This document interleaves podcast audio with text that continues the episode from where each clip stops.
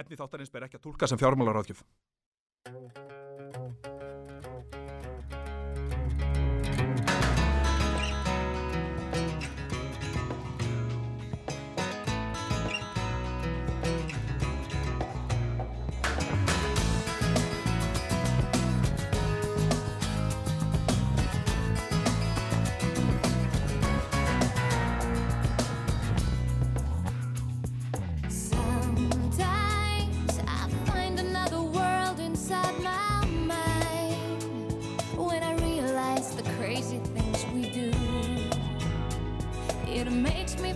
Ashamed to be alive. It makes me wanna run away and hide. It's all about the money. It's all about the dum dum da da dum dum. I don't think it's funny. It's all about the money, þið heyrðu rétt. Uh, fjárfesting, skemmtiðáttur um fjármálinn hefur hafið göngu sína enn á ný. Klukkan er 5, í dag er 50 dagurinn 16. desember og það er stutt í jólinn en við ætlum ekki að tala um jólinn í dag. Er, er, er, það, er það rétt hjá mér, Mattías? Er það ekki? Nei, þetta er ekki jólaþáttur. Þetta er ekki Alls jólaþáttur. Við Hann- tókum eiginlega tvöfalt magn jólastemmingar í síðasta þætti Já, til þess að geta haft ekki jólaþátt. nú. Það var líka, það var alveg sko, það var alveg sko glimrandi góður jólaþáttur hjá okkur síðast. Já. En við ætlum nú samt sem áður að- að að halda þessum jólakortum ennþá á lofti hér í dag sem við vorum með fyrir viku síðan. Já, við gætum Og við alveg ætlum tekið að- upp á því að skrifa eitt jólakort og að við tökum náttúrulega fram að Davíð tæknimaður þáttarins er í jólapeysu Já, í þessum töluðu orðum. já. Þannig að þetta er ekkert alveg laust við jólastemmingu, en þetta er enga síður. Og við, og við elskum jólinn, við, bara svo það sé Já, við erum jólabörn. Þannig, að- þannig að við, við erum ekki að, að segja að það sé þreytandi að tala um jólinn eða neitt svoleiðis, en... en eh, Einhver við- sagði að við með að útvarpsaga væri jólalegasta útvarpstöðin. Já, ég held að það sé alveg rétt og ég minni ég held að sé að færa bara góð rauk fyrir því. Já. Það er eiginlega í hva, hva- hvaða hot sem þú lítur, það er eitthvað jólalegt. Já. Minna, hér sé ég jólaservjettur og það er, það er jólapeysan sem þú nefndir ánum Davíði. Ég er bara jólanammi. Já, og svo eru jólalitir hérna út um allt. Ég sé raukt og hvítt og þetta svona eru litir sem að svona veita manni hlýju í hjartað. Já. Sérstaklega þegar uh, svona nærdregur jólum. En hvað um það? Við ætlum að ræða í dag uh, þema sem er ansi stórt og þema sem að margir hafa beðið eftir. Já. Og, og, og þetta er, er fasteignir. Já. Og Þetta er þema sem er mjög sko current, eða hvað ég segja, viðeigandi fyrir mig út af því að ég var spurður í könnun Gallup bara í fyrradag já, hvort ég ætti, sko hvort ég væri, hvort að fastegnin mín væri heimili mitt. já, Það er að segja hvort, það var væntalega vel að kanna hvort ég væri, þú veist, að kaupa fastegnir til að leia þér út eða eitthvað svo já. Og ég svaraði því bara, ég á fastegn, já, og hún er heimili mitt, já. Já, þetta er náttúrulega blúsandi business, uh, uh, uh, business segi ég að því að það er búið að eiginlega búið að íslenska það orð, svona, svo við, svo við heldum okkur þar, Eh, en, en sko að, að, að vera svona að kaupa íbúður og leiða þér út, ég meina það eru margir í þessu og, og fara í þetta svona til þess að, einmitt, að græða penning. Ég meina, ef við hugsaum bara um nafnið á sem þætti, fjárfesting, Já. fyrir mörgum er fastegn og hugsaum líka um það orð, Já. fastegn, þetta er eign sem fer ekkert, þetta er fjárfesting, þetta er, þetta er Og- algengasta leiðin til að festa peningiðin. Já er, og, og stærsta fjárfesting sem flestir í sínu, á sínu líftíma. já, nákvæmlega. Og, og, og hún snertur nú aðeins á þessu einn ein eh, höfunda bókarinnar fjárfestingar sem er, sem er alnafni þessa þáttar Já, og, og, og er, er ein eh, tveggja jólagjafa hugmynda sem hafa komið upp hér í þessum þætti. Rétt. og, og, og í þessari bók er mitt talað dál, dálítið mikið um fastegna kaup þannig að við, við erum enn og aftur að mæla með því fyrir hlustendur að, að næla sér þessu bók. Ég held meiri að ég fari Já. í bókabúð fyrir Já. jólin og ég kaupi mér þessa bók og ég gluggi inn á jólun og ég held ég geri það til þess að styrkja þessar frábæru konur sem er að, skrifa þessa bók af því að ég held að þetta sé bara ansi fínt framtak fyrir, fyrir þá Invest. sem að Fortuna Invest, fyrir þá sem að sko, sko, þetta, her, sko þessi bók og þessi þættir sem við erum með hérna Þetta eru sýstraverk. er, já, þetta helst alltaf í hendur að mörguleiti Já. af því að, af því að það, er verið að, það er verið að reyna að tala um, um svona fjármál og, og fjárfestingar á, á svona kannski Mannamáli. mannamáli og, og við erum ekkert að, að, að sko, við erum ekkert að drífa okkur áfram í umræðunni við erum ekkert að hraða afgreða einhver hugtök sem eru mjög flókin Nei, nei, heldur nei, erum við að taka hugtökin og vefja örmum okkar utan um hugtökin og, og raunverulega spyrja hvað þýðir þetta og þess vegna langar mig að spyrja þig. Mattias, hvað myndir þú segja ef einhver kemi til þín og segði hvað eru eiginlega fasteignir, hvað er það? Það er bara fermetrar og steipa það eru bara fermetrar og steipa Já. og þá segir sá hinn sami já, ef að, að fimm ára krakki myndi spyrja þig hvað eru fasteignir, pabbi, hvað eru fasteignir? Eða Matti segja- frendi, hvað eru fasteignir? Það eru húsin sem fólki býr í. Já, ok, ég skil það. Já, þannig að, að, að nú er erum við að tala Við nú erum að tala tala um mannamál, húsin sko. sem fólki býr í. Það er þema vikunar þá erum við að tala mannamál þegar við tölum um hús, húsin sem fólki býr í sko. Já, þá og þau kosta peninga þau kosta peninga og þau kosta eiginlega, meiri peninga en, en flest annað sem við svona kaupum okkur e, svona flest okkar kaupum okkur í, í þessu lífi Já, ég ætla, ég ætla að taka sko, það sem þú sagðir og, og, og, og svona hækka aðeins í sko, hitastíð og Já. segja bara þetta er að langdýrasta sem langflestir kaupa sér Já. nokkur tíma það er hárrétt og, uh, og við ætlum aðeins að kafa á dýftina í, í þessum uh, málum og, og, og það er náttúrulega nægu að taka og við munum bara ná yfir það sem við náum yfir Já, já, já, já. Uh, Það er uh, stútfull dagskrá hjá okkur í dag, við erum að, að taka hér síma viðtöl, við verðum að, að, að hlýða svona sóttvarnar aðgerð, svona, við verðum að gæta sóttvörnum svona eins og staðinu núna. En, Já, hafa þetta rafrænt og fjár, nota fjarskipta tæknina já, nota þessa frábæra tækni sem við búum, búum yfir og,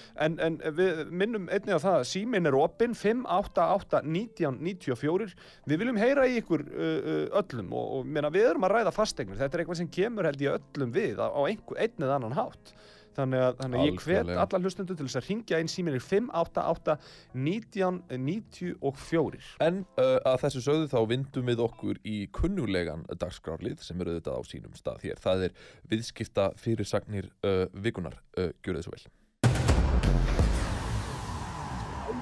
Viðskipta fyrirsagnir vikunar Jó, Ástís Eir Símonardóttir og Óli Páll Gesson hafa verið ráðinn til upplýsinga og fjár, fjártækni fyrirtækisins Lucinity. Ég var ekki viss hvort þetta er fjártækni eða fjártækni. Já, þetta er vist fjártækni fyrirtæki og það er, það er svona fyrirtæki, ég veit ekki hvað það þýðir Nei. en, en uh, við óskum uh, þeim að sjálfsögðu til hamingju með þessar nýju stöður Nú, uh, Eiríkur Örn Þorsteinsson, Freyr Eyjólfsson og Sigrún Haraldsdóttir hafa verið ráðinn til sorpu, rétt á vísi.is um Já. það. Óskum þeim að sjálfsögðu til hamingju með það. Freyr Eyjálsson var uh, umsjónakennari uh, stórusystu minnar í, í launaskóla hér á árum áður. Þannig að þetta er maður sem að, uh, ég hef svona þekkt síðan ég var barn og við óskum uh, honum og, og Eiríki og Sigrun auðvitað til hamingju með Já. nýju stöðuna. Við gerum það.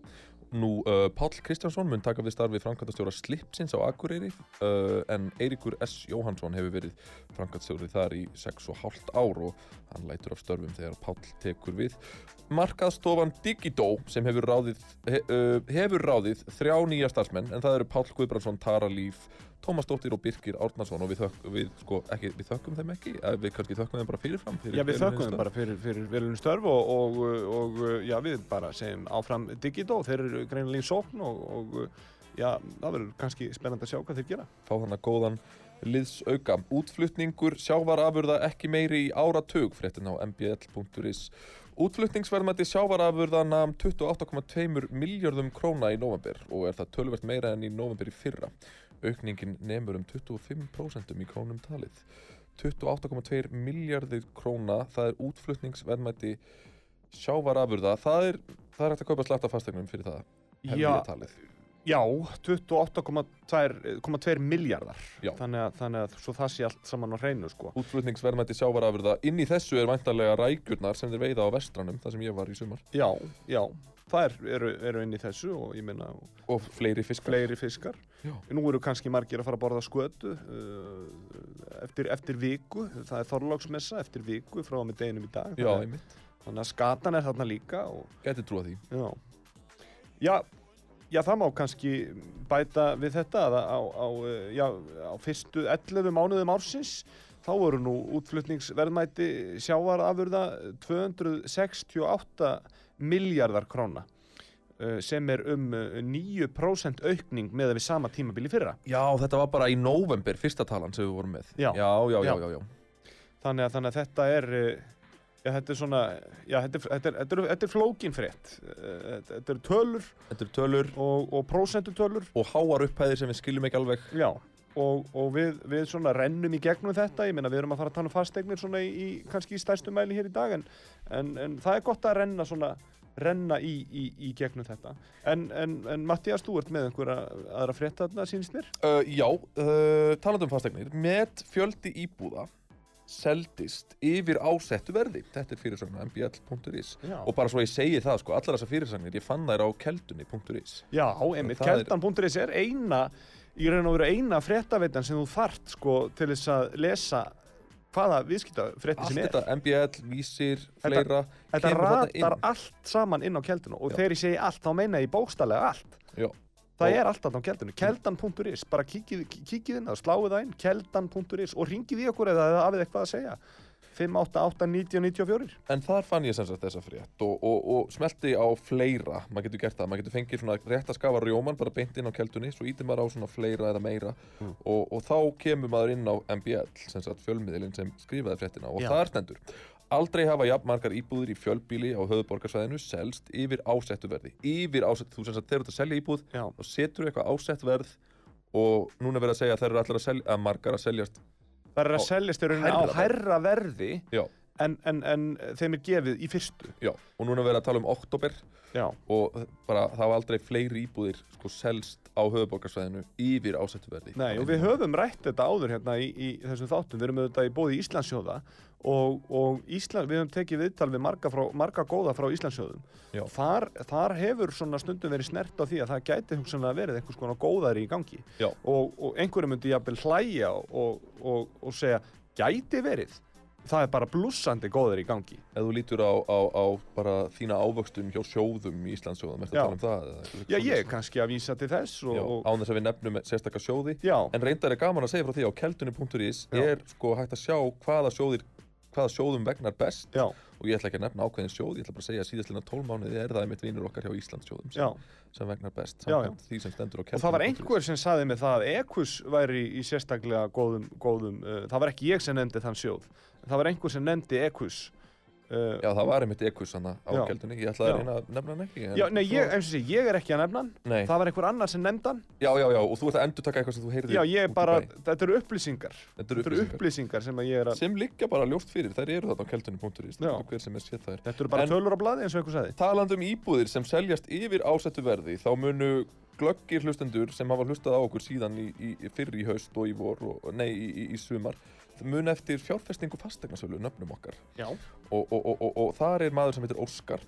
Og, og hann var svo góður að, að styrkja þættina og hann er hana, hjá fjárfestingu fastegnasölu, þetta er í Borgartúni. Já, Þú maður að spurja hann aðeins út í sko, hvað er að gerast á fastegnamarkaði nú þegar að íbúðir er að seljast yfir ásettu verði og, og svo framvegis. Uh, Óskar, ert þú á uh, línunni? Óskar, Kondur blessaður og sæll Óskar, mikið gaman að heyri þér. E, e, það er nú bara, það er ekki laust við að maður kalli þið bara nafna Óskar, af því að við erum hér með e, skemmtið þáttinn fjárfestingu og þú ert með fastegnarsöluna fjárfestingu. Hvað finnst þér um það? já, mér líst bara vel á það. Er það ekki? Það er nú ekki, það er nú ekki leið á kontur sæll og blessaður. Það Er, og svo eru, svo eru nú aðra nöfnur frá Fortuna Invest sem er að gefa út bók sem heitir fjárfesting. Við vorum nú að ræða það hérna rétt á þannig að, þannig að það er nú gaman að vera í, í svona fríðum hópi. Heldur betur. Já, En Óskar, sko, mér langaði að spyrja þig út í þetta nafn og þegar við vorum að tala um sko að, að fastegnir, þetta er svona gildislega orð, fastegnir og, og þið heitið fjárfesting og eruð fastegnasala, getur þú svona sagt okkur svona hugsunina bak við þetta nafn? Já, manni þetta bara eiga vel við þegar fólk er að fjárfesta, já, sínu stærstu, já, bara fjárfesta sínu, taka sínu stærstu fjárhagslegu kaup á æfinni, ja. fjárfesting.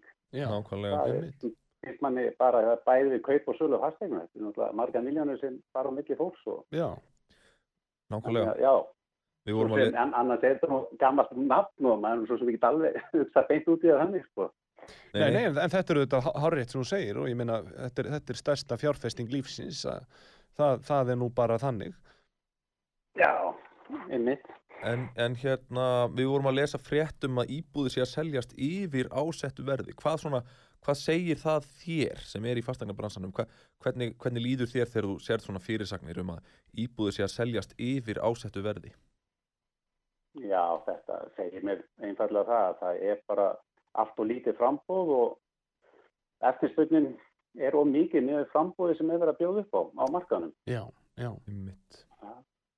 Og þá hækkar verðið, væntanlega. er- Það er svo við útskýrum Og bara. já, já, það er þegar, að- þegar að mörg tilbúð komið í sömu eignin og þá getur nú myndast keppnin þegar að mæta kannski 30-40 manns og reykast okkar annan þegar verið að skoða, Já, þá, þá vil nú fólk oft ekki missa eignunum og já. Fara, fara eh, gera sér best á jafnvel og betur, þannig að já. það veldur því náttúrulega þetta, þetta skrúast upp. Og, og þetta er staðan, sko, þrátt fyrir að, að kannski margir myndi segja að, að, að þeim líði eins og það sé verið að byggja íbúður hér út um allt, sko, höfuborgarsvæði sérstaklega. Að það er, það er, við erum að sjá í nýjum nýjar þarna. íbúðir rísa e, bara, bara á, á mörgum, mörgum vikstöðum. Hvað, hvað, hérna, hvað viltu segja um það, Óskar? Já, sko, við, við verðum náttúrulega, það er náttúrulega oft verið svona ákveðin þumulfauta regla að hérna, það þurfi náttúrulega bara að byggja 2000 til 2500 íbúður á ári bara til að anna Vá. eftirspurn vegna nýra kaupand á markanum. Já, Það er- 2000 Og til þetta 2000 við bara ekki hafa verið að gera núna síðustu árin, sko, síðustu tvö, árið eða eitthvað, sko. Já. Vá.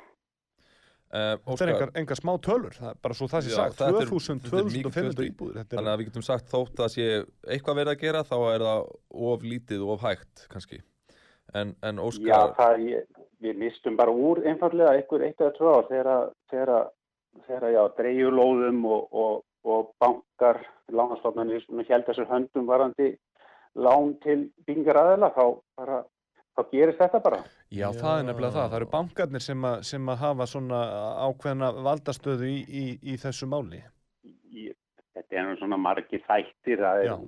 það er náttúrulega vissulega var aukin eftirspurð vegna, vegna, vegna lára vaksta og, og COVID náttúrulega allir því einni að fólk fór í auknum mæli að, að fjárfesta í fasteignum Já, og svo kannski líka verið að tala um lóðarskort, þannig að það er nú kannski í, ímislegt sem veldur þessu. já, og ég er svona svo sem ekki að dæma hva, hvað nákvæmlega það er. en Nei, nei, það er- eru samverkandi þættir. Sko. já, margt sem spilar inn í, inn í þetta. en Óskar oft, oft þegar við fáum svona sérfræðinga á línuna þá, þá erum við að huga að sko fjárfestingar tækifærum og, og hvernig svona best sé að græða pening og, og við kannski teiknum upp aðstæður sem við getum ímyndað okkur að, að þú mætir jafnvel skuggalegri persónu einhver staðar í húsasundi sem miðar jafnvel að þér einhvers konar vopni, jafnvel byssu. Já, Guð forð okkur frá því að þessar aðstæður raungerist en, en við erum að mála upp mynd. við erum bara að mála upp mynd sem við vonum Já. að þetta verði ekki að veruleika en, en kannski miðar þessi maður byssu að þér og segir hérna, í hvaða hverfi eða bæjarfélagi á ég að kaupa fastegn til að græða sem mestan pening? Svaraði mér strax. Já, Hva, hvað, hvað myndir Veit segja það við svona núna?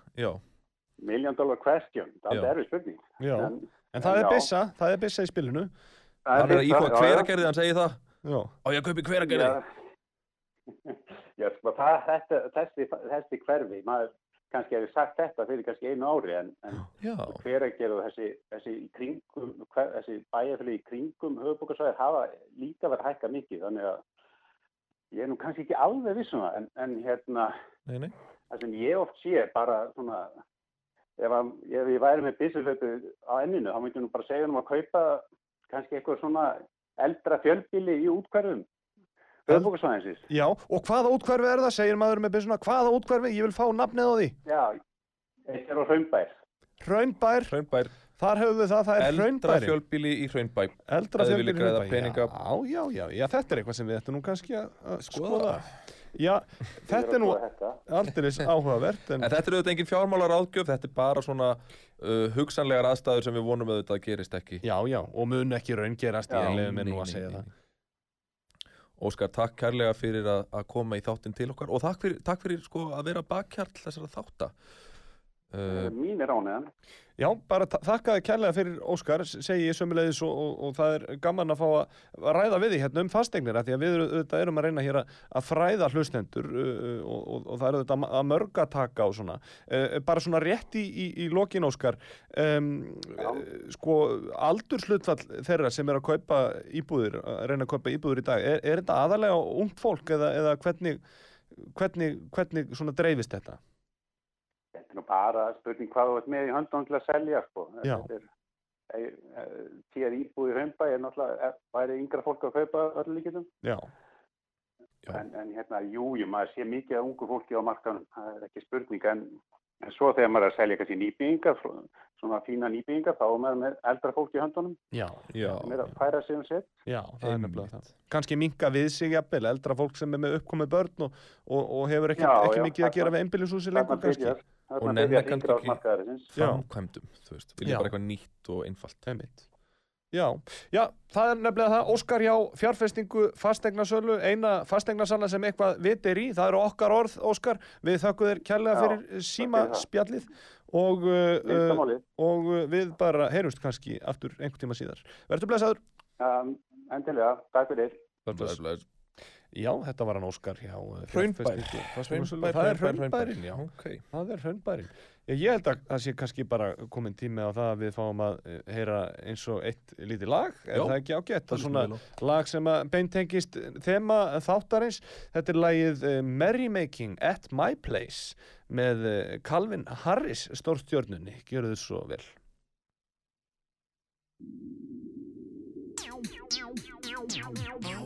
Oh. Oh.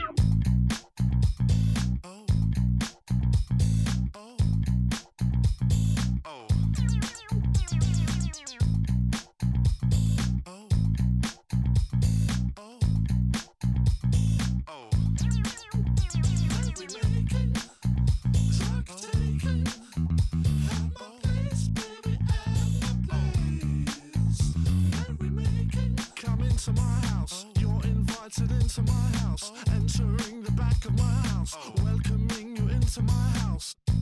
Come into my house, you're invited into my house. Entering the back of my house, welcoming you into my house. I've invited loads to my house, loads of people come to my house. They take stuff inside of my house and smoke stuff outside of my house.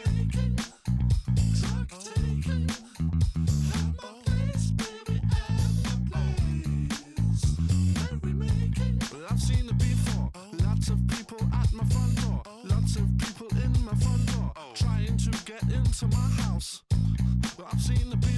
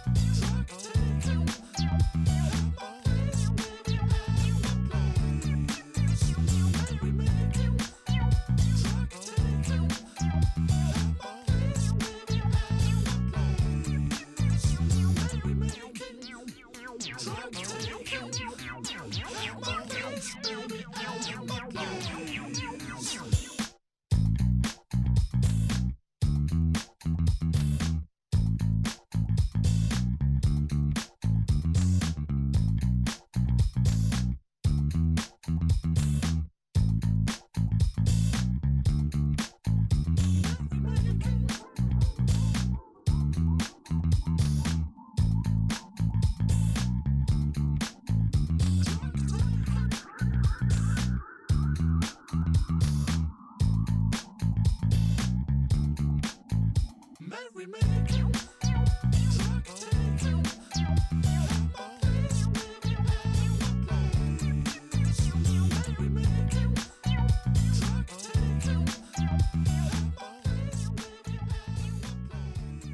Calvin Harris þarna, gaman að dilla sér við þetta og við hugsaum hlýlega til ykkar hlustendur góðir að dilla ykkur við þetta í jólaskapi. Það er fjárfesting, uh, skemmtið þáttur um fjármálinn sem hilsar aftur og við erum að tala um fasteignir og þegar maður er að selja fasteign þá er náttúrulega að mörgu að huga Já. og eitt af því sem fólk fæst við sem er aðstofa fólk að selja fasteignir er að, er að innrétta fasteignir til sölu Já, hár rétt. og, og, og, og við ætluðum jafnvel að fá að tala við innanhúsarkitekt hana Ástu Byrnu hjá Arkibygg og hérna ræða þennan vingil í, í þessu ferli öllu saman. Já, hún er innan hús arkitekt Já, og, og, og svona og það, það er auðvitað margt sem að felst í því starfi og við auðvitað komum til með að ræða það eins við hana og, og, uh, og þetta er náttúrulega eitthvað sem að um, kemur, kemur mjög svona Svona, þetta, er, þetta, er, þetta er svona annar vingill inn í fastegna umræðina Já. og, og, og eitthvað sem að við þurfum að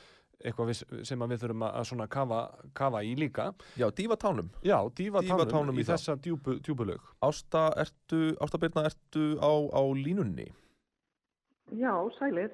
Kondur sæl og blessu þetta Er það ekki rétt hjá mér að þú, að þú ert innanhúsarkitekt? Það er alveg rétt skilja hjá mér. Herðu, nei, ég er reyndar bara hefðbundin arkitekt, en ég fæst við innan úr sönnun meðal annars. Já, já, já, já. já, já, Þú ert hefðbundin arkitekt sem fæst Svona- meðal annars við innanhúshönnun. já, já, já. Já, ég, arkitektar við hönnum bæði þess byggingar og svo fyrir við líka stundum í svona innan hús Einmitt, eða jafnvel smá skipulag líka, við getum verið á tóldi breyðum skala. Já, einmitt. já, já. Og þú ert þá meðal annars að sýsla með þetta sem, sem ég nefndi áðan sko að hérna innrétta jafnvel fastegnir sem stendur til að selja eða hvað? Já, einmitt, ég hef gert daldi af því og hérna reyndar aðalega sko í nýbyggingum Já. en, en jú, það, og, en svo er líka hægt að gera náttúrulega bara og svo bara því ég hef verið að selja heimi á mér og svona, þá hef ég líka lagt svo litið í þetta. Einmitt, og sko nú bara leikur okkur forvitna á að vita sko svona hver er ávinningurinn í því að, að innrétta fastegn sem er til sölu á einhvern smart hátt, fá innanhús arkitekt eða arkitekt sem fæst við innanhús hönnun til að gera það, af hverju, hverju ætti ég að gera það, er ekki fastegn bara fermetrar og steipa, ég meina þarf ég eitthvað að vera innrétta eitthvað sérstaklega? Já, sko, ég held að það sé vel þess virði að hérna, leggja svo litið í þetta. Uh, ég hef endur engar svona tölfræðilegar upplýsingar um það, en það er bara svona allavega þú veist, mín tilfinning að, að sko, eignir verði sölumænlegri Já. Mm. og gæti aukið áhuga fólks á henni. Já. En það er hérna, já, ég held að skiptir mjög miklu máli. Maður er náttúrulega svona að reyna að, að miðla því sko, hvernig rýmið er og hvernig það nýtur sín sem best Einmitt, og líka kannski svolítið hvernig íbúðin snýr, þú veist, við sólu eða þú veist, er góð dagspyrstaðna eða er flott útsýni já, Mm. að ég held svona að ná að ramma þetta inn geti, eða þú veist, svolítið svona miðla þeim gæðum sem að eignin Já. er með. Og, og þar að leiðandi hefur það áhrif á, á, á endursöluverðið á, á, á umrættri fastegn eða, eða hvað? Já, ég held það, Já, Já. ekki spurning. Þannig að Svo við gætum hugsanlega, sko- Samvinna með sko, kannski ljósmyndaranum, en það skiptir líka greiðarlega miklu máli. ekki? já það eru ljósmyndirna sem að byrtast á vefnum, ekki satt? Já, jú, Já, jú. já, og, og það er aftur svona, þú veist, miðla síðan þessum hérna e, því hvað það er búið að gera flott í eða þannig. Þannig að segjum sem svo að við Hákon ætluðum að græða pening og, og við ætluðum að, að, að nurla svolítum pening og, og, og kaupa íbúð í Hraunbæ og jafnvel íbúð sem er auglýst illa með, með ljótum Já. húsgögnum og hérna lélegar myndir á vefnum Já, pixlaðar myndir pixlaðar, ljótur, gamall sófi með sinnefslettum í og... Mm. og við getum keift þessi íbúð, hentu öll út fengið þig til að innrétta hana flott fá flottan ljósmyndara, selja hana og græða pening. Eh, Ertu að segja að það geti jafnvel verið möguleiki fyrir menn í okkar stöðu? Já, þú veist, ég held að sé alveg, þú veist, þess verið að láta reyna á það, sko. Já, Já. það er nefnilega það. Heyrðu, En Ásta, þú veist, já, ekki þetta endilega bara til að braska, en líka bara fyrir fólk sem að á íbúðina, þá, Já, þú veist, já. er svolítið svona að besta fyrir verðmæti sem það er með í höndunum, sko. einmitt. En jú, þetta er alveg, þetta er alveg eitthvað, af því það er ekki öllum gefið kannski að, að hérna, að ná að sína eignina í þeim bestu ljósi og ef að þið eru góðir í því eða þekkið eitthvað eða fáið fagmennski í það að hjálpa ykkur, þá held ég alveg klálega að það geti skilað ykkur. Já, já, já. frá, við, við ætlum bara að fara beint í að rannsaka þetta ástabirna og Já, höfum því miður ekki tíma fyrir, fyrir lengra spjall. Við verðum að fara í auglýsingar en við þökkum þér kærlega fyrir Einmitt. Já, það er endar ein, ein, hérna, eitt sem að við langaði aðtöða hérna, ástæða hvort ég mætti bera, bera undir því, sko, við erum nefnilega, við erum hérna, við erum alltaf að skoða fréttir á keldan.is, við, viðskipta fréttir og annað slíkt, en þar er, þar er líka svona um, skopefni uh, og, og það er myndasaga sem, a, sem að er þar, sem að, uh, þetta eru bara þrjár myndir og fyrsta myndin er af manni með grímu sem að uh, hugsar með sér Oh no, Já, I feel a non-COVID cough coming on. Sem sagt, uh, nei, nei fjárinn sjálfur ég finn fyrir hósta að koma sem er ekki COVID-tengdur og svo er næsta mynd og þá er hann alveg að fara að hósta en segir, uh, hugsaður með sjálfum sér ég verð að stjórna til að forðast það að líti út fyrir að vera síktur og svo er það þriðja myndin. Þá liggur hann í jörðinu og er ennþá hann að forðast að hósta forðast að hósta. Og, og þar er, mætir, mætir honum ungt par uh, sem að segir hvað er málið með hann? Og, og, og, og hinn aðlinn í sambandinu segir hann lítur út fyrir að vera smitaður. Já. Einmitt. komst þessi mynd að sagða til skila svona gastu síðan að fyrir þér Já, já, ég var svona daldi bara stressuð að heyra hann fyrir hlutan sérstaklega. Já, Einmitt. já, já, einmitt. Já, þetta er svona tilraun í, í- hjá okkur til þess að sko aðtöga hvernig myndasögur koma svona, e, hvernig, hvernig það komast í skila í útvarpi. Þetta er svona...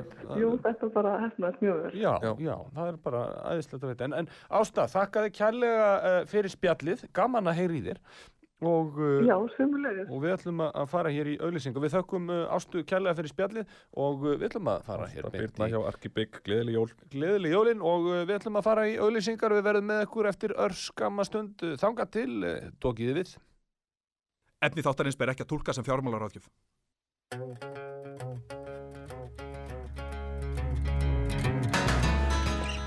Já, halló, það er fjárfesting uh, skemmti þáttur um fjármálinn sem heilsar. Ég er að borða mandarínu, svo það komið fram hér. Já, uh, já við uh, erum hér og uh, já, ætlum að heyra hér í uh, fastegna sala, við erum að ræða fastegnir Heldur betur. Og það er þema þáttarins í dag. Þetta er Hlinur M. Jónsson, fastegnasali og við ætlum svona að, að heyra í honum aðeins. Og við þetta rættum hér við annan fastegnasala áðan, það var hann Óskar hjá fjárfestingu. Uh, en uh, Hlinur, uh, er hann komin á línuna? Hlinur, heyrið þú í mér? Já, ég er ég. ég Já. Hérna. Kontu blessar og, og, og sæll Hlinur og vertu velkomin í þennan þátt svona með, með, þó það sé nú með rafrænum hætti, við erum að reyna að passa upp á allar, allar sóttvarnir á þessum síðustu og vestu tímum. Nákvæmlega. þú ert, ert fastegnasali uh, Hlinur, það er, er það ekki rétt? Ég er fasteina miðlari, jú. Það Já. er svona fasteina, fasteina miðlari. Er fasteina, já. Já, Byrju, hver er Ég munurinn á þessu tvennu? Ráðgjafi, ráðgjöf og miðlun í rauninni. Það er svona, Já. ef orðið var þannig. já, já. En hver er munurinn á fastegna miðlara Ég- og fastegna sala? Ég er bara ekki löggildur í rauninni. Ég er ekki búin að taka námið og annað. En ég er Mm. náttúrulega bara að vinna við fasteina sölu og annað og er bara að miðla og veita ráðgjöf á faglegum nótum. Þannig að rauninni já. einu munurinn, basically. Já, það er nefnilega það.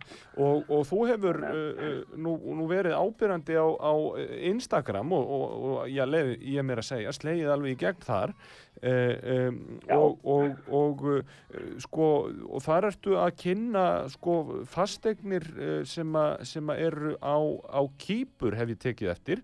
Uh, Já, um, ég, Er, ertu, ertu þá ertu að, að, að uh, selja fastegnir sem eru, eru þar uh, er, það, er það sjálfstætt verkefni hjá þér eða hvernig, hvernig kom þetta til? Nei, nei, þetta, ég hérna fór sem sagt erlendis á sín tíma fyrir að vera þrejum árum síðan og fór að tóka mér að setja svona hótel eða íbúðir í rauninni Já. og fer svo inn í það að fara að selja, að fara að læra aðeins inn á fasteinamarkaðin og annað þar og fer svo að út í það að selja og er með bara ymsa verktaka á mínu snæður sem að eru bara að skrá hjá mér og annað sem að við vinnum með uh, sem að erum að selja þá ýmis verkefni bæði bara í jörðinni sem að segja sem er bara verið að byggja uh, frá grunni Já. og eins tilbúnar fasteinir og annað í endursölu og fleira þannig að Já. á Norðurkýpur sem, sagt, sem ég hef verið að fókusera á Já, já. Já, Og uh, þetta- Og þetta lítur nú út fyrir að vera heilmikil paradís verði ég að segja, ég meina þarna lítur út fyrir að vera sólríkt þetta, þetta er bara falin demöndum meðrafsins eins og ég segi, það er bæði útist að vera Já. hana fasteinir eru drefalt uh, ódýrar heldur til þess að Spáni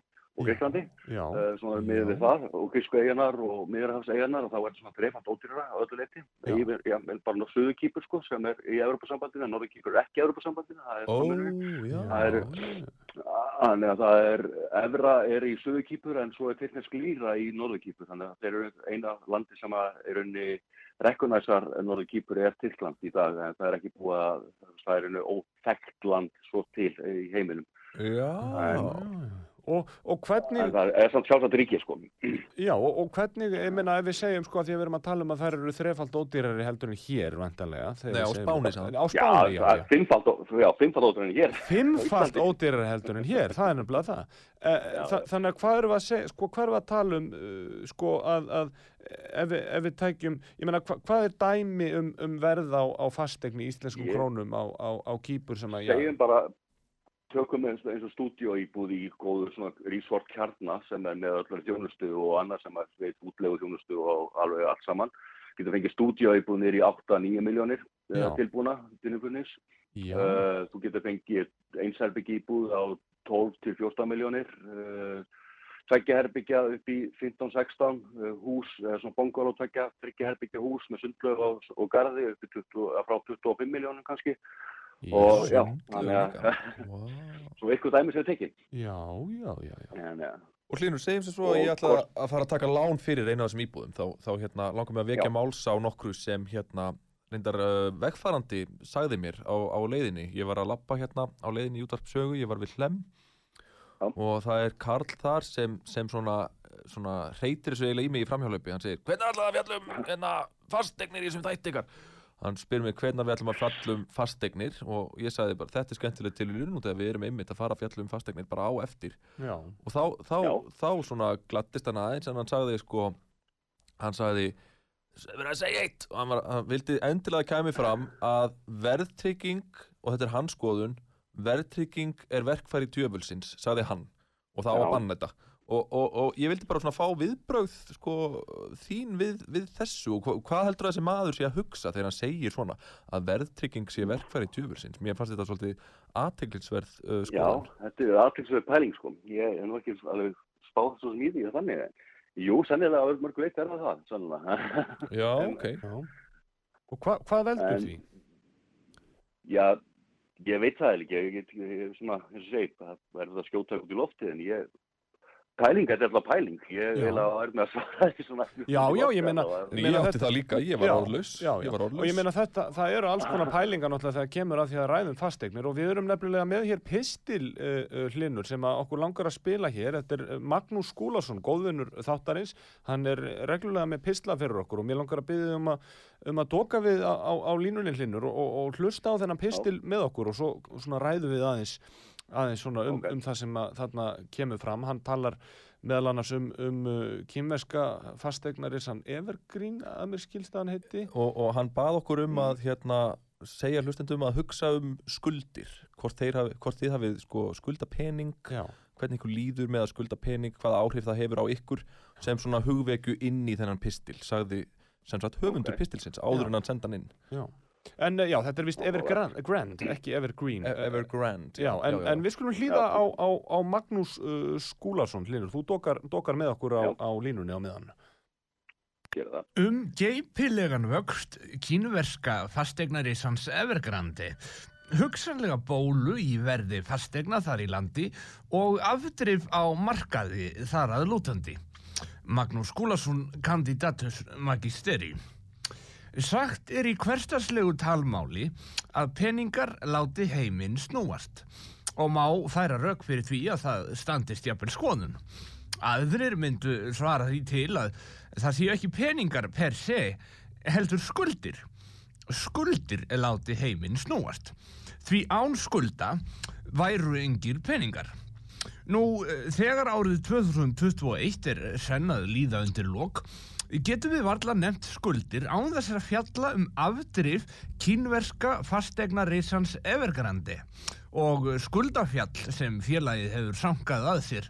Skuldafjall sem virðist í augum margra vera of þungur bakki að bera. Evergrande sem áður bar nafnið Hengda Group var stopnað árið 1996 með uppgangi, vaksandi tekjum og þéttingu byggðar í Kína hefur verð fastegna hækkað svo um munar. Í þessu landslægi festir Evergrande kaup á sífelt fleiri lóðum og fastegnum og það í 280 borgum þar í landi, hvorki meira nefn minna og það einnig á tímum sem svipuð jafnvel til fastegna bólu svo kallaðar. Nú, félagið hefur líka beint sjónum sínum að fleiri verkefnum, rétt eins og að selja vatn í flösku og reysa stærðarinnar fótboltaleikvang, svo eitthvað sé nefnt svona í framhjárhlaupi. En eh, þeir sem eiga fastegn kannast nú kannski margir við að skulda peninga. Og það gerir Evergrandi líka. Skuldirnar eru slíkar að uh, flesta sundlar hreinlega þegar þeir telja nullin í upphæðinni um 39.000 miljardar króna. Já, þið heyrðu rétt, 39.000 miljardar. Þakka ykkur kærlega fyrir þetta. Fyrirtækið er að mestu rekið á lánum hjá því til og hvaðan koma lánin? Jú, frá lánadróttum, böngum, fjármálafyrirtækjum og fleira því um lit. En hvað gerist ef svona félag stendur ekki undir skuldum? Snemma morgun, sann 20. september síðastliðin, tóku kaupmenn eftir verulegri dífu í hörði hlutabrjá hér á landi. Já, dífu á öllum félögum í íslenskri kaupöll, öllum með þölu. Hvernig tengist það frásögn okkar af kýmverkum fastegnarins að spyrjiði? Jú, til að útskýra frá þessari dífu litum menn til hræringa á alþjóðamarkaði. Hræringar sem hófust í kaupallinni í Hong Kong. En Ísland var ekkert einstæmi í þessu sem og mörgu öðru. Evergrandi var hreinlega í krökkum. Verð á byrjaðum félagsins hrundi um 17% á deginum. Hafði þá hrunið um 90% heil frá áramótum. Tiltrú fjárfesta var á brauðfótum. En hvað gerist ef Evergrandi heggur ekki á þennan skuldanótskal ósagt látið? Og málið svo viða mikið að það verður ekki rakið til enda hér. Hitt er annar mál að ef satt reynist sem okkur hefur spáð að saga Evergrandi verði saga hennar kýmursku Lehmann-bræðra svo reyfið sér upp aðderi fjármálarsunnisins 2007 og 2008 sem átti einnig rætur að rekja til fastegnamarkaðan eins og glögt kam fram í kvikmyndinni The Big Short í leikstjórn Adams McKay sem kannski einhverjir hlustendur hafa séð en þá verða góð ráð sannarlega dýr. Guð gleiði að svo verði ekki. Þetta er Magnús Skúlason, magistörus kandidatur sem talar fyrir útvarpsögum. Já, þarna erum við Magnús í, í skúla sinni. Við höfum að hlusta á fjárfestingu að sjálfsögðu. Hlinur M. Jónsson, fastingarsali, hann er hér á, á línunni. Hlinur, hvað, hvað, hvað vilt þú segja um, um, um, um þetta, um, um, um þetta ævintýri efer, efer grandi eins og hann Magnús kallar þetta? Þetta er áhugavert, þetta er nú einmitt eins og maður er alltaf að passa upp á þessu úti hjá okkur að þá er einmitt að félögin séu stöndu og annað að þeir eru ekki með mikið að skuldum á bakkinn til þess að geta selt á réttu leveli. Þetta er mikið góð pæling sko, virkilega sko, kom, já, þetta er áhugaverð, áhugaverð pistil. Já, Ég held, ég held sko að við hérna og... gerum ekki, okkur ekki grein fyrir því hvað þetta er stórt fyrirtæki sko. Það með mörg, Nei. sko, það með hundruði þúsunda í vinnu og, og, og bara, hvað, ef, ef, ef svona lagað færi á hausinn, sko, ég veit ekki hvað myndi gerast. Nei, það er Nei, nefnilega það. það er bara, það er bara rísafull sko, það er það sem þú segir, það er bara og eins og segir þess vegna er mann og eins og það sem við erum að ég ég lít á eigin, barn sko, eins og ég sem ég selja úti, það sem ég hef verið að passa upp á einmitt er þetta að að skoða félögina í bak og fyrir hvernig skuldastaðan er hjá þeim annað, þeir eru eru lánandornarnir úti sko, í okkur, þannig að ef þeir fara á hausinn og þessu kaupmættunum mínir myndu fara til dæmis að fara á hausinn og þá er ekki tryggt fyrir unni fyrir fólkið ef að eitthvað klikka skilur Já, þá já. er náttúrulega þarf þetta að vera á, á réttu leveli að fyrirtækin sta- séu stöndu að þið eigi náttúrulega fyrir þeir sem eru að gera í rauninni. Já, já, áður en þannig að En, en sko, já, þetta var góð pæling, góð pæling og gott að líta svona út í heim, við erum í Kýpur, við erum í Kína, við erum að pæla í fastegnum, þetta er skemmtilegt. Já. Já, sko við ætlum að fara hérna í, í eitt lítinn lið hérna hlinur eða þú vilt staldra með okkur líka aðeins, aðeins í honum en, en hann tengist einmitt Ekki e- e- e- Evergrand líka en, en þetta er eh, sálvísitalan í bóði Sóma sem er, er eh, með okkur hérna í, í eh, þessum uh, uh, þætti og einnig náttúrulega auðvitað í bóði Alfreðs atvinnuleitar. Og, og uh, já, Mattias, þú vilt kannski uh, taka orðið Já, ha- hann Magnús Skúlason, hann, hann sendi sem sagt tvent til hlustenda, eða til okkar þáttastjórnenda áður en hann sendi okkur pistilinn. Það er að segja hugvekju um skuldir, hvernig líður fólki þegar skulda peninga annars vegar. Við komum því að fyrir, fyrir pistilinn, áður en við spyrum pistilinn. En hitt var þetta, 39.000 miljardar króna, þessi upphæð. þessi gífurlega upphæð sem er, sem er núna komið í ljós að var svo upphæð sem Evergrandi skuldaði á einhverjum tímapunkti sem sagt uh, fyrir á árunum. Nú, uh, til, að, til að setja þessa upphæð í samengi 39.000 miljardar króna. Við gætum sem sé ef við myndum versla við, við starfsmannasjópi borgarleikúsins þar sem ég versla mínar sómasamlokur þá, þá myndum við geta keift 214.876 sómasamlokur á hvern landsmann. S-A-H-L Sál vísi talan 214.876 sómasamlokur á hvern landsmann. Og það er, það er mikið af, af samlokum Já, já, ég meina, ég leiði mig nú að segja það og ég, ég hugsa að þið báðir, Matti og Hlinur, þeir séu nú sammála mér að, þetta er þið nú eitt kald reyðiðasta þjóðarmorði í sögu uh, landsins ef að, ef að hver og einn landsmaður þyrfti að þyrfti að borða þennan fjölda af sómasalungum, ég tala ekki um ég tala ekki um ef þeir þurfti að gera það mættu ekki frista þær sko, það þyrfti að gera það áður en að þær ganga svona Samdægur. já, já, eða áður en að það renna út sko þannig að hérna Já, þú meinar hreinlega að það væri bara löggjöf gegn matasóun? já, bara löggjöf gegn matasóun og, og, og reglugerð, Já. ströng reglugerð sem að spórnaði gegn matasóun. Þá er þetta algjörlega hræðilegt og, og ég raun og veru væru væru margar samlokur hér eftir Ég meina íslenska, íslenska þjóðin myndi bara heyra sögunin til Já, já. og það veri ennþá bara það verður fjall af sómasamlokum það verður allt og mikið af, af samlokum hérna. En, en, en, en já Og bara, eins og segir. Já. Og frambúð. Já, já, off frambóð. En, en uh, Hlinur, ég uh, já, þakka þér kærlega fyrir uh, spjallið og, uh, og, Já, og, takk sem að fyrir að fá mig í spjall. Já, er bara- og, og, og ég náttúrulega vil, vil, ég vil mæla með Instagram síðunniðinni hvað, hvað er aftur notendanafnið? Hvað, hvað, hvað eiga hlustundur að slá inn? Það er HJ Elite. HJ Elite Já, á.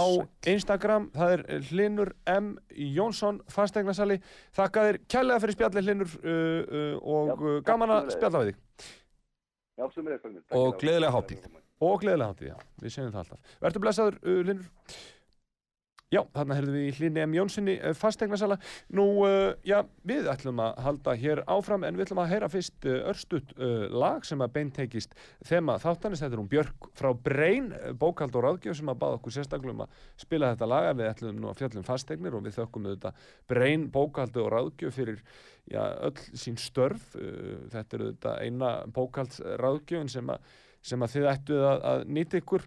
Og uh, þetta er að sjálfsögðu lagið Our House með uh, Madness, gjörðu þið svo vel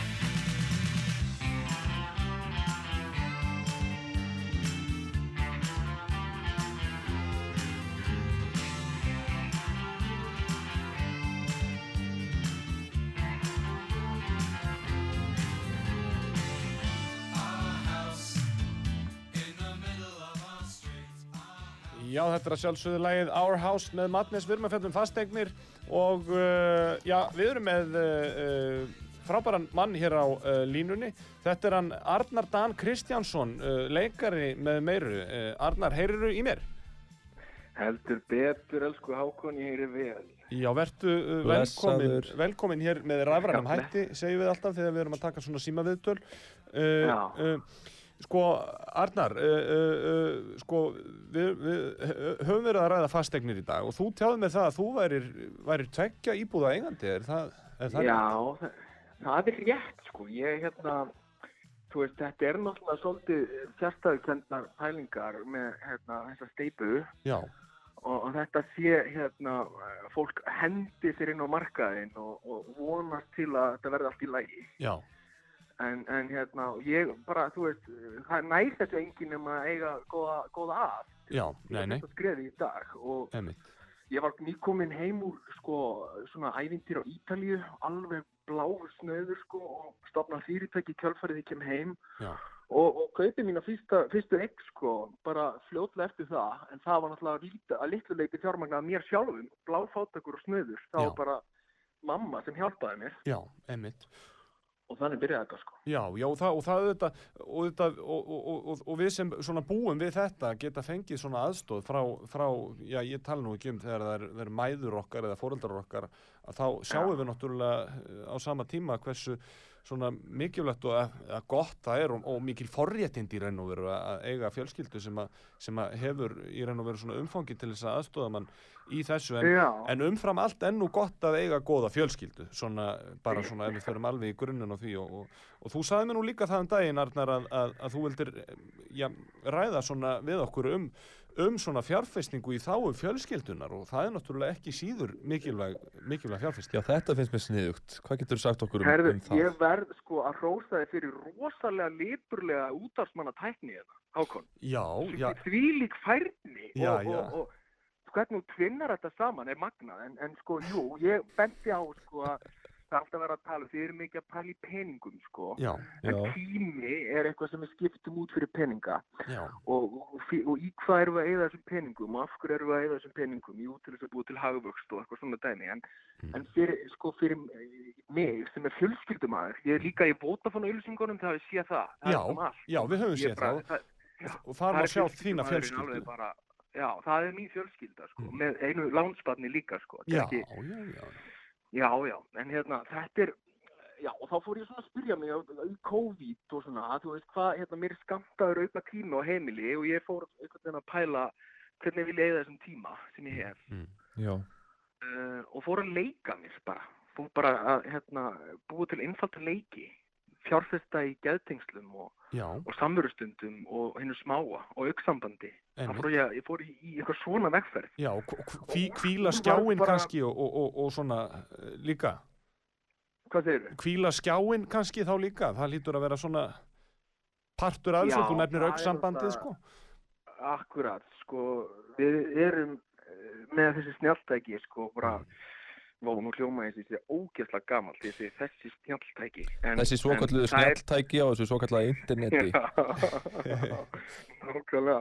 En það er einhvern veginn, þú veist, ég er með tvö börn inn á heimilinu og það er bara öll börn renna í átt að svartaskjánum, sko. Já, einmitt. Og mér fannst það eitthvað sorglegt við það af einhverju leiti því að Já. mér langaði meira að taka þátt í þeirra ferðalagi og vera einhvern veginn, já, sjá það hvernig þeir þroskast og dafna og læra í gegnum leik og fór að teipa á mér hausinn og, og hengja á mér fóttuklemmur eða kíkja hvað er undir ískápnum eða eða eitthvað svona leiki sem, sem kalla á bara uppbrot við tilveruna. Mm. Bjóð til spil í kjölfarið sem hétti hvað er pappanum eftir að gera og ég komi núna bara á fulla dreifingu og ég er bara í því í dag sko. Einmitt, og þetta spil, einmitt, hvað í pappanum ert þú að gera? Þetta er svona afrakstur þessa, þessa, þessa leikja og, og, og, og, og þess, sem, þess sem svona þú, þessara svona uppástungna sem, að, sem að þú hefur verið að gera heima hjá þér og, og hefur gert með þínu börnum.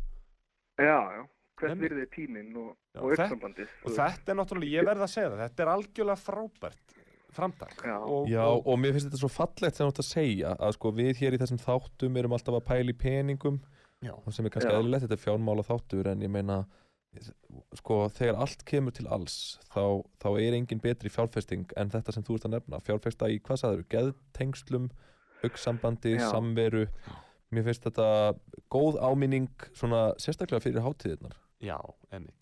Já, einmitt. Og, og, og ég meina, það, það er ekki laust við það, Arnar, að, að, að nú, nú er eiginlega komin þriðja jólagjafa uppástunga uh, þessa þáttar. Hvað Eh, í pappanum ert að gera Já, nákvæmlega? hvað í pappanum ert þú að gera? Já.